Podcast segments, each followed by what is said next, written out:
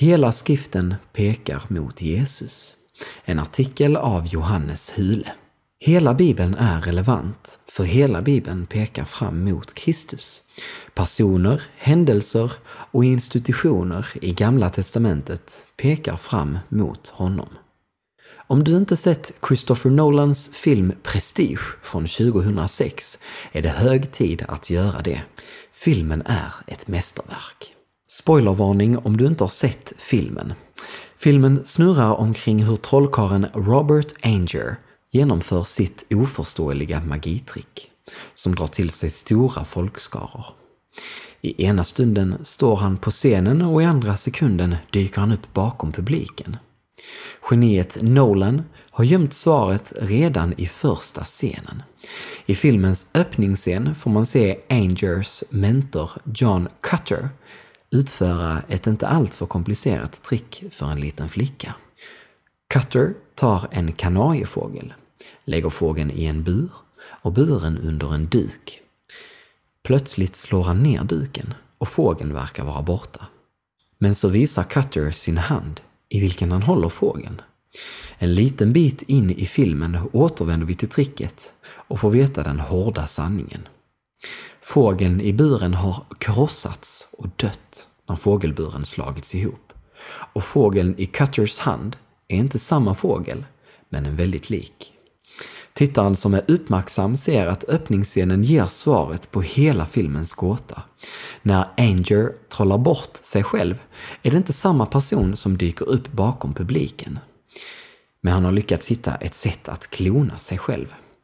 Det hemska är att han själv, eller hans klon, måste dö varje gång han gör tricket. Och han vet aldrig om han kommer att vara den som dör eller överlever.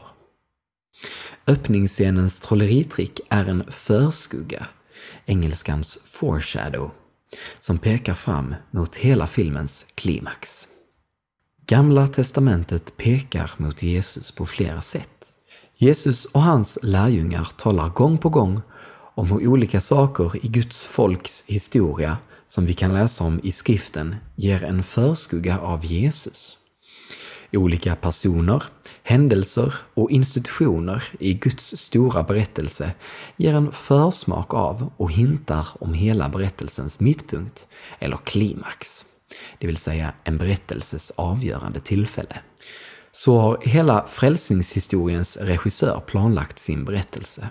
När Jesus talar om att Gamla Testamentet, eller skriften som han kallar det, vittnar om honom menar han inte bara de många löften eller förutsägelser som talar om honom.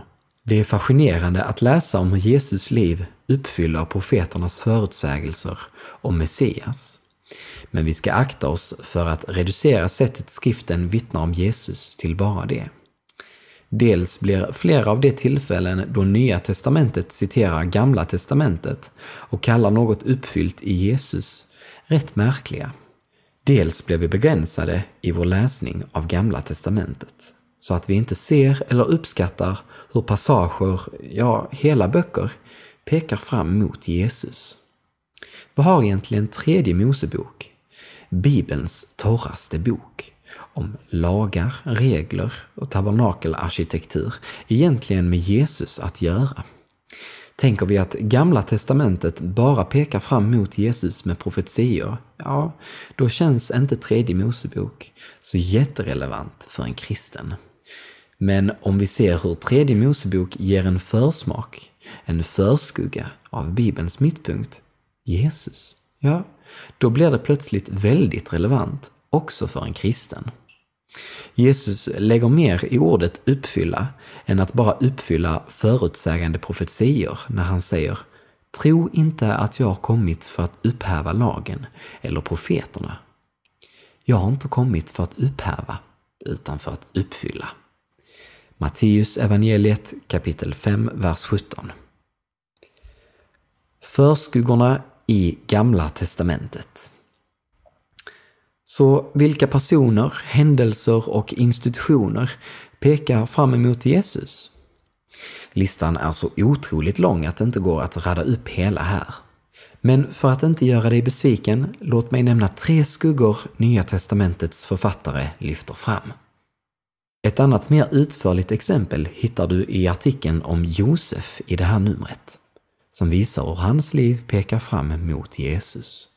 Israel, Guds tjänare, pekar fram mot Jesus. Jesus är det nya Israel. Det ser vi bland annat i Matteus evangeliet kapitel 2, vers 15. Israels resa ut ur Egypten pekar fram mot Jesus resa ut ur Egypten. De troende som följer Jesus och blir ett med honom blir del av det nya Israel. De tolv apostlarna motsvarar de tolv stammarna. Därför kan också Jakob skriva till de tolv stammarna i exilen eller förskingringen. Jakobsbrevet kapitel 1, vers 1. Jesus är dock fullkomlig i det Israel var ofullkomlig i. Jesus prövningar på 40 dagar i öknen har ett helt annat resultat än Israels 40 år. Adam pekar fram mot Jesus. Romarbrevet kapitel 8, vers 12 till 21. Men framförallt med kontraster. Adam var först i den gamla skapelsen, Jesus är först i den nya skapelsen. Den första som uppstått till härlighet. Adams handling ledde till fördömelse, Jesus till frikännelse. Adams handling ledde till död, Jesus till liv. Till sist pekar också det som vissa skulle kalla Bibelns torraste bok fram mot Jesus. Tabernaklet, översteprästen och den stora försoningsdagen, tredje Mosebok kapitel 16, ger en skugga av honom. Jesus gick inför Guds närhet, det allra heligaste, för att likt översteprästen representera sitt folk med sitt eget blod som offer för att ta bort vår synd. Hebreerbrevet kapitel 19, vers 11 till 28. Skriften pekar fram mot Kristus. Låt det bli något du funderar över i din bibelläsning när du läser Guds ord.